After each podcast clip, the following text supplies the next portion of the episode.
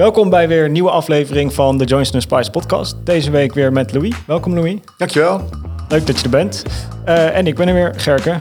Uh, ik heb er heel veel zin in. Deze keer gaan we het hebben over het nieuws van de afgelopen tijd. Met name rondom tech, maar ook eigenlijk veel over welzijn dit keer. Um, nou, ik ga je eigenlijk gewoon een beetje vertellen wat ik interessant vond de afgelopen tijd. Uh, en eens kijken wat we daar samen van vinden. Ja eerste die ik erg interessant vond, uh, die gaat eigenlijk over verzuim, ziekteverzuim en de drukte. Het is natuurlijk een typisch onderwerp ook voor de accountancy om het te hebben over het is zo druk. Zeker uh, in deze tijd. Maar het is eigenlijk op dit moment uh, ja, in alle sectoren een uitdaging. Er is een tekort aan personeel. En als gevolg daarvan zijn de mensen die er wel zitten, die zijn eigenlijk ontzettend druk. En als gevolg daarvan is eigenlijk weer het ziekteverzuim heel erg hoog. Dus dat is uh, ja, eigenlijk een probleem dat op die manier zowel vicieus is als steeds, uh, steeds door blijft groeien. En CBS die zegt daardoor bijvoorbeeld dat het een recordhoogte nadert voor wat betreft het ziekteverzuimpercentage. Dus dat is uh, natuurlijk geen goed teken. Nee, dat is echt heel zorgelijk zelfs, denk ik. Ja. ja. ja. Het lastige is dat dit een echt een veelkoppig monster is. Je kan niet alleen maar zeggen dat het komt omdat er te weinig mensen zijn, want dat is zo. Maar het is ook zo dat bijvoorbeeld dingen als regeldruk toenemen. Dus volume van werk neemt voor veel sectoren ook toe. Uh, het is ook nog zo dat uh, door de uh, ja, economische situatie sommige bedrijven genoodzaakt zijn om voorzichtig te zijn met hun personeelsbestand. Dus ook geneigd zijn om wat terughoudend nieuwe mensen aan te nemen. Al die dingen werken eigenlijk allemaal dezelfde kant uit. Dus dat baart me best wel zorgen. Je ziet ook wel bij sommige klanten dat, ja, uh, kijk, wij zien voornamelijk de finance afdelingen natuurlijk bij onze controleplichtige cliënten. Maar je ziet eigenlijk wel dat, uh, dat de, uh, ja, de ondergrens wat bereikt raakt over ja, kwaliteit van oplevering. Dus dat is echt een zorg. En dan bedoel je eigenlijk dus dat je ook de tekorten merkt in de samenwerking met de klant? Ja, je merkt gewoon dat eigenlijk mensen heel welwillend zijn, maar niet in staat zijn om tijdig en voldoende, uh, van voldoende kwaliteit te leveren. Wat weer heel veel bijeffecten heeft, heel veel stress oplevert eigenlijk. Tijdsdrukken, dat is ontzettend jammer. Maar je ziet ook gewoon dat dat geen onwil is, maar dat het vaak ook een beetje in de hoek zit van een bijna onmacht. Dus het is een moeilijk, moeilijke ontwikkeling. Tegelijkertijd denk ik wel dat de betere bedrijven, want ook die voorbeelden hebben we gelukkig, daar ook actief iets mee doen. Door dat te doorbreken en dan ook ja, investeringen doen die, uh, ja, die al die aspecten tezamen een beetje te lijf gaan. Ja. ja. en een deel is natuurlijk ook, uh, er is veel sprake van uh, meer automatiseren, meer, maar minder werken, meer bereiken. Um, daar kom ik straks nog even op terug. Maar ik ben ook wel benieuwd naar als je dan bij een klant komt, stel je dan ook vragen bijvoorbeeld over de werkdruk die je ziet of vermoedt bij klanten. En dan doe ik niet alleen finance, maar eigenlijk ja, het, de hele organisatie als geheel. Ja, ja kijk, um, vast onderdeel van de analyse die doet sowieso uh, rondom de personele paragraaf. Dus ook daar komen, uh, komt informatie uit. Bijvoorbeeld verloop? Mensen verloop, uh, maar ook hoger ziekteverzuim, hogere arbeidskosten. Dus je ziet eigenlijk wel vanuit verschillende kanten soms zo'n beeld ontstaan. En dat bespreken we dan zeker. Ja, dus, maar je ziet ook wel dat ehm, klanten weten dat zelf ook heel goed vaak. Ze voelen dat al lang aan hun lijve. Daar ja. hebben ze die cijfers niet eens voor nodig. Um, maar, weet zij bijvoorbeeld hoe dat zich verhoudt tot andere ondernemingen? Kijk daar wel eens naar. Dat je ziet, het is bij jullie wel hoger dan ik zou verwachten bij anderen. Of... Ja, nee, eh, vaak hebben de ondernemingen die cijfers niet. Je ziet zo af en toe publicaties eh, op accountant.nl of in het FD... waar, waar ze in ieder geval iets aan kunnen ontlenen van die ontwikkelingen. Uh, maar die informatie hebben zij niet. Wij hebben die informatie natuurlijk wel. Dus wij kunnen ook best wel wat van dat soort analyses draaien en doen dat ook. Ja, ja, ja. en dan komen soms wel verrassende verschillen uit naar voren. En ga je dan klanten ook bevragen op uh, ja, preventiepolicies? Of... Ja, we leggen dat terug en soms uh, het hangt een beetje van het type onderneming af. Uh, als de onderneming heel erg arbeidsintensief is, dan heb je toch een hele andere casus met elkaar te bespreken dan wanneer het een bedrijf is waar ja, op allerlei facetten dit wel een beetje speelt. maar ja, we, we, vragen zeker door. Maar we zien wel dat de respons wel heel verschillend is. Sommige klanten zijn er ook niet echt mee bezig. Die zien het als een soort gegeven. En anderen gaan er veel proactiever mee, mee aan de slag. Ja. ja. Het is natuurlijk ook, zij zitten ook met de uitdaging dat het wellicht moeilijk is om personeel te vinden. en daar wordt ook wel wat ja, over gedimdamd. Is de oplossing nou om nieuw personeel aan te trekken? Omdat je het eigenlijk bijna altijd weer uit een andere sector wegtrekt. Ja. Uh, en dat dus het probleem verschuift. Omdat we eigenlijk op het moment met een tekort aan werkenden zitten. Niet met ja, er zijn ook wat vacatures die op de verkeerde plekken openstaan voor het aanbod. Maar het is vooral eigenlijk, er is hoge participatie. Er is eigenlijk vooral gewoon een tekort aan mensen. Zonder meer, helemaal met je eens. Maar het is wel ook zo dat er een sleutel ligt in het versimpelen van organisaties. Je ziet vaak wel dat organisaties uh, erg de neiging hebben, zeker als je kijkt naar het stukje finance, wat wij het beste zien bij onze klanten natuurlijk, um, dat er enorm gestapeld wordt. Uh, stappen die gezet zijn om uh, nieuwe onderdelen van een bedrijf te rapporteren, die blijven in stand. En er komen nieuwe rapportagelijnen bij en die, die worden nog weer eens vervolmaakt en verdiept en verbreed. En dan komt er een investeerder die wat wil weten of een bank die bepaalde eisen stelt. En je ziet dat eigenlijk allemaal maar opstapelen. En ik heb bij een aantal van mijn klanten ook echt zeg maar, het gesprek geopend. Ik zou je niet eens ietsje terug kunnen in al die rapportages. Kan het niet veel simpeler? Minder rapporteren. Minder, ja. Misschien, het is wel een rare houding voor een accountant, toch? Ja, ja misschien is dat zo. Maar ik denk wel dat uh, minder wel meer kan betekenen als het gaat om betere kwaliteit en beter doordacht ook. Want het is vaak ook wel zo, dat, dat, dat zie je ook wel, uh, wel terug in de bestuurskamers, dat, dat de, ook, ook eh, bijvoorbeeld bij de toezichthouders een overload in informatie. Ja, waar moet je daar nou in vredesnaam nog mee? Moet je dat allemaal maar steeds doorploeteren en tot je nemen? Of moet je het ook, ook daar maar verdikken en kwalitatiever maken? En nou, daar, daar zit wel muziek in, denk ik. Dan kom je toch ook weer een beetje terug ook op een... Uh, ja, dus het verminderen van de werkzaamheden aan de ene kant zit je dan. Aan de andere kant, zoals ik net al aangaf, je hebt ook de discussie over het automatiseren, het verslimmen. Uh, minder moeite, meer output. De grap is dat we daar eigenlijk naar de toekomst altijd hogere verwachtingen hebben dan dat de werkelijkheid is. Zoals hier een artikel van uh, Matthijs Bouwman van het FD. Die beschrijft hoe we eigenlijk al jarenlang bepaalde verwachtingen hebben voor de komende jaren. Hoe we denken dat er een groei gaat zijn in arbeidsproductiviteit. En dat die eigenlijk al jaren tegenvalt. En dat de daadwerkelijke groei dit jaar richting 2031 de groei naar 1,2% per jaar zou gaan. Weinig, en dan nog eens de vraag of dat uh, niet weer te optimistisch zou zijn. Ja.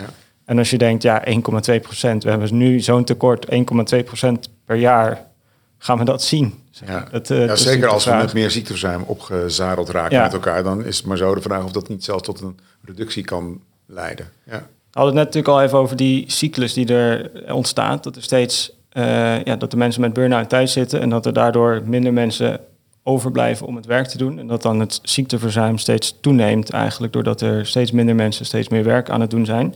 Uh, en dat zag je dus ook terug in de cijfers uh, van het CBS. Daar kwam ik een ander artikel tegen dat daar eigenlijk direct aan gerelateerd is. En dat is een onderzoek van de vacaturesite Indeed. En die geeft aan dat 1 op de 5 werknemers kampt met mentale problemen. En bijna de helft zelfs die wel eens gehad hebben. En dat er heel veel mensen zijn die dat dus verzwijgen voor hun werkgevers. En uh, dat bijvoorbeeld burn-out en depressie daarvan de meest voorkomende klachten zijn. Dus je ziet dat er misschien nog wel los van het verzuim eigenlijk nog wel een grotere groep mensen is die ook uh, ja, problemen heeft in of kleinere of grotere mate. En dat werkgevers daar niet van op de hoogte zijn. Is dat iets, als je bij een klant zou komen, dat je daar aandacht aan besteedt, dit soort ontwikkelingen? Ja, ja dit, dit is een, uh, een heel belangrijke ontwikkeling die ik ook echt zie in de praktijk. Ik zie dat eigenlijk maar in een heel beperkt kringetje. Ik zie het vooral bij de wat zwaardere financiële functies gebeuren. ik zie daar dat um, soms mensen ons echt het verhaal even doen. Dat ze heel veel verwachtingen uh, krijgen gesteld van het management en dat ze aan alle kanten tegen complexiteit aanlopen, tegen deadlines aanlopen. Zich ook wel realiseren dat het moet gebeuren, omdat investeerders staan te wachten of whatever. Um, en uh, dus die verhalen komen soms echt naar ons toe. Dus dat gebeurt. Um, en het valt mij ook best wel op dat dat meer is dan ooit geweest. Dus je ziet de druk echt wel toenemen. Dat vind ik ook zorgelijk. Um, daar kunnen we niet altijd iets aan doen. Uh, wat ik wel doe, is dat ik dit soort signalen, dat moet je altijd heel zorgvuldig uh, wegen hoe je dat natuurlijk terugbrengt. Die breng ik wel terug op de, de bestuurstafels bij de bespreking van de jaarrekeningen. Um, terugkerend thema voor ons is echt altijd wel de bezetting van de afdeling finance. Um, en omdat we met veel scale-up bedrijven te maken hebben, zie je dat ja, als een soort uh, ongezien probleem ze zich vaak niet realiseren dat complexiteit ook op de afdeling finance echt groeit. Zodat je ook met meer mensen dat zou moeten doen. Dat kan niet altijd. Maar dat, dat is ook wel echt iets waar ik, uh, waar ik aandacht voor vraag. Uh, en op een ander level proberen we ook eigenlijk heel duidelijk te zijn, uh, juist naar de CFO's of naar de, het, het, het hoofd financiën, om te laten zien hoe wij willen werken met ze, wanneer we komen, welke informatie we vragen. We checken regelmatig in om te zorgen dat we daar van tevoren die signalen ook ontvangen. Uh, zodat je er ook echt iets aan kan doen met elkaar. Want soms is het ook zo dat je gewoon goede afspraken kan maken. Soms moeten er ook andere prioriteiten intern gelegd worden. En uh, ja, niet altijd zijn degenen die verantwoordelijk zijn voor het aanleveren van informatie bij ons in staat om dat te doorbreken. Dan kunnen wij soms met één belletje met de CFO of met de directie daar toch uh, verandering in aanbrengen. Dus ik zie het op verschillende lagen wel, wel terug. Ik vind het wel een zorgelijke ontwikkeling. Ja, ik heb hier geen artikel ervan bij, maar je komt ook een beetje op die discussie terecht over uh, de vertrouwenspersoon. Wat nu ook een, een actief topic is in de discussie. Moeten bedrijven verplicht worden om een vertrouwenspersoon te hebben? ik weet dat wij er een hebben. Ik weet ook dat die op meerdere plekken verwezen staat. Um, kijken daar ook bij klanten naar als ze dat dan hebben? Als je dit soort signalen opvangt, dan begin je half een vertrouwensrol voor de finance department in te vullen. Ja. ja, het is altijd wel gevaarlijk om uh, die rol al te veel uh, in te willen kleuren als controlerend accountant. Want je hebt natuurlijk een andere rol. Nee, dus daar, daar zijn we echt wel terughoudend in. Maar dat signaleren, dat vind ik wel bij mijn rol passen. Dat zullen we ook zeker wel doen. En ook gepast, ook vaak in overleg met, met mensen, zodat je ook niet uh, ja, roert in een, in een bepaalde verhouding tussen, tussen een groepje mensen. En maar je kunt wel zonder specifiek over situaties of delen te spreken, wel eens aandringen op bijvoorbeeld. Denk nou over vertrouwenspersoon als je die niet hebt, of zorg dat daar meer bewustzijn over is. Of... Moet je eerlijk bekennen dat ik dat eigenlijk nog niet gesteld heb, die vraag. Ik vind hem wel heel relevant. En ik denk ook dat het goed zou zijn om daar wel steeds meer naar te gaan vragen. Ja, goed punt. Ja, interessant. Ja. Wat ik zelf wel grappig vond ook, nou grappig in een halve trieste zin. Ik weet dat het een, een veel voorkomend onderwerp is. Uh, ik kom natuurlijk uit design-achtergrond en dan wordt het heel vaak genoemd. Het imposter syndrome. Ik weet niet of je weet wat dat is. Ja. ja. ja. Uh, nou, heel kort nog even voor, uh, voor de zekerheid. Dus dat je het idee hebt dat je ja, eigenlijk voordoet als iemand die zijn vak begrijpt, zeg maar. Maar het eigenlijk in feite het idee hebt ja, onzeker te zijn over waar je zit. Uit het onderzoek van Indeed kwam dus dat 13% van de ondervraagden uh, dat vaak of uh, regelmatig tot heel vaak last heeft van het gevoel van imposter syndroom. Ja.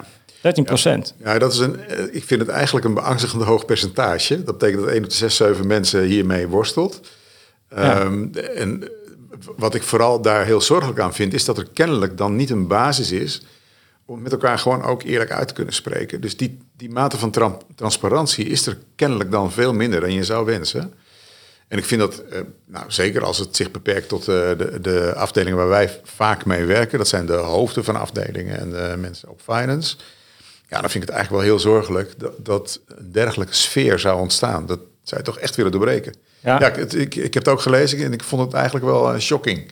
Ja. Ja. zeker ook als je dus bedenkt dat ze, daardoor zijn ze voortdurend, staat in dit artikel, daar zijn ze voortdurend bang om te worden ontmaskerd. Daar komt natuurlijk ook het risico bij dat je dan uh, misschien eigen fouten uit de weg gaat of probeert daar omheen te cirkelen, omdat dat tot het pijnlijke punt terugkomt. Ja.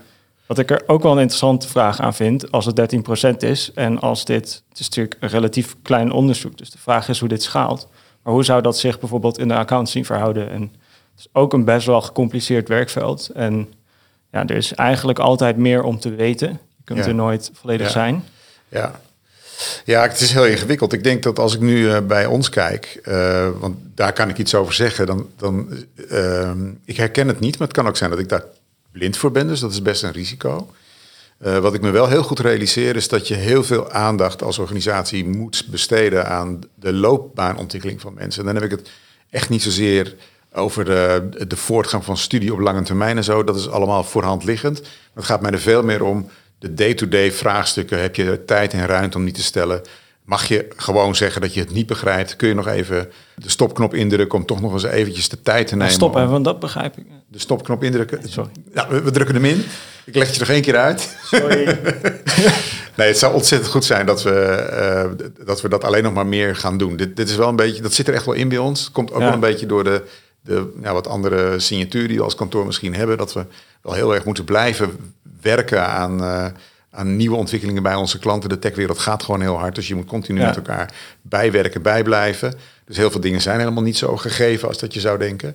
Dus dat helpt ons wel een klein beetje. Maar ik denk tegelijkertijd dat daar kan je bijna niet genoeg aan doen. Uh, het goed begrijpen van businessmodellen Bijvoorbeeld, businessmodellen zijn gewoon complex soms in de automatiseringswereld. En uh, als die businessmodellen complex zijn, zou er eigenlijk een enorme grote uh, full stop knop moeten zijn voor iedereen in het team, van boven tot beneden. En dat, nou ja, dat, dat is wel, uh, vind wel een uitdaging. En ik ben ook wel eens een beetje bang dat we in de accountancy zo gedreven zijn met volle agenda's en veel uren te maken en met een, een flink aantal verplichtingen, dat we te snel doorrennen. Dat is echt een risico, denk ik. Een behoorlijk uh, serieus onderwerp dat nou, zo uit. Uh, nou, ik heb nog één dat ook wel semi-serieus is, maar ook wel, ja, ik vond het wel weer opvallend. Um, er is natuurlijk best wel een coronaschuld opgebouwd bij de Belastingdienst. Onder andere uh, natuurlijk door uitstelling van BTW, maar ook andere regelingen die of deels terugbetaald moesten worden of sowieso een lening waren. Nou, er is daar wat twijfel of ondernemingen het voor elkaar gaan krijgen om die, uh, die terug te betalen. Dat is natuurlijk spannende tijd. De vraag of er dan niet alsnog bedrijven zouden omvallen of wat daar de, de uitkomsten van zouden zijn. Maar nou las ik een artikel dat er zorgen zijn eigenlijk over de capaciteit van de Belastingdienst om de navolging te doen over die schulden. Dus er is niet alleen de zorg dat er misschien niet terugbetaald kan worden, maar ook de zorg dat er misschien niet genoeg aandacht besteed kan worden aan het herinneren, navolgen en toezicht houden zeg maar, op de terugbetaling van die schulden. Ja, hier uh, ligt natuurlijk toch een latent debakel, ik durf het bijna niet te zeggen, maar een latent debakel op de loer. Want als de Belastingdienst daar niet voldoende uh, antwoord op kan geven, ja, dat, dat leidt tot uh, rechtsonzekerheid, uh, rechtsongelijkheid ook. Dus het lijkt mij heel spannend. Ja. Ja. Even voor het beeld nog, want de, de schuld die bedroeg eind februari 17,2 miljard euro. Ja. Dus het is ook niet niks. Nee. Ja, het gaat om, om enorme bedragen. Ja, dat zien wij ook. Ik, ik, ik merk wel dat het gemak waarmee destijds leningen opgevraagd werden, is, is denk ik toch wel een, een, belangrijke veroorzaker geweest nu. Kijk, los van de vraag of je politiek gezien destijds de keuze hebt moeten maken om het bedrijf wat we gedaan hebben te steunen of ze te laten failleren toen. Die keuze hebben we gemaakt uh, ten gunste van subsidiëring. Maar het is misschien voor een deel van het bedrijf ook wel uitstel van executie. Je ziet ook wel dat sommige bedrijven gewoon niet sterk ervoor stonden en ook niet staan, uh, wat niet corona gerelateerd is met dat soort ondernemingen kun je afvragen of die subsidiestromen dan zo terecht waren. Ja, er was natuurlijk gemiddeld een lager aantal faillissementen in die tijd. Terwijl ja. faillissementen, hoe treurig ook, toch ook een onderdeel zijn van hoe de economie werkt en een beetje een soort ruimend effect heeft. Ze dus lopen nu licht op, hè? Dus uh, het zou me niet verbazen dat hier veel minder dan bijvoorbeeld in Duitsland en andere landen waar steun uh, anders is vormgegeven. Ja. Nou goed, zover dan de, de wat heftige onderwerpen. zware onderwerp? Ik had er één, uh, dat vond ik zelf wel een lachen onderwerp. Namelijk de verkoop van lachgas voor de slagroomspijt. Nou weet ik toevallig dat jij thuis ook zo'n spijt hebt staan. Ja, ik heb er zo een. Ja. Heb je nog gaspatronen of niet? ja, ik heb nog een doosje staan. Ja, uh, want ze worden steeds moeilijker verkrijgbaar... omdat er steeds minder plekken zijn waar ze nog uh, te koop zijn. Ja, ik zag ze in de winkel nog liggen. Dus kennelijk gaat dat dan toch nog goed. Maar ik weet niet of zij uh, buiten de... Buiten de hoe zeg je dat? De beperkingen van de wet nu handelen. Geen idee eigenlijk. Nou ja, de grap is dat het in principe voor horecagelegenheden en dergelijke gewoon nog functioneel zal zijn. Maar als gewone consument zou het in principe niet meer beschikbaar moeten zijn. Ja. Nou was er dus uh, de betalings, uh, de payment service provider Buckaroo, die heeft dus een klant die uh, online die lachgaspatronen verkoopt. En die zijn bij Google nogal makkelijk te vinden. En zij wilden eigenlijk af van die klant. Dus die zijn, die hebben een poging gedaan om afscheid te nemen, maar dat is nog niet helemaal gelukt. Dus daar is nu een rechtszaak overlopende om... dat is een uh, interessant thema, ja. ja om die, ja. Uh, ja. die overeenkomst te beëindigen. Oké. Okay. Nou, ik ben wel benieuwd hoe dat gaat uitpakken dan uiteindelijk. Dus uh, ja. Nou, dan gaan we volgen. Vind wel een grappige. Ja. Dus voorlopig geen slagroom thuis? Nee, maar we zullen het wat beperken, ja. ik denk dat we daar voor deze keer gaan afsluiten. Dat waren de interessante artikelen van deze week. thanks dat je erbij was. Dat was heel interessant. Ja, jij ook bedankt voor uh, de leuke selectie weer. ja. Ziet er goed uit. Ja, gedaan. Ik vond het uh, in ieder geval heel leuk. En graag tot een volgende keer. Zeker.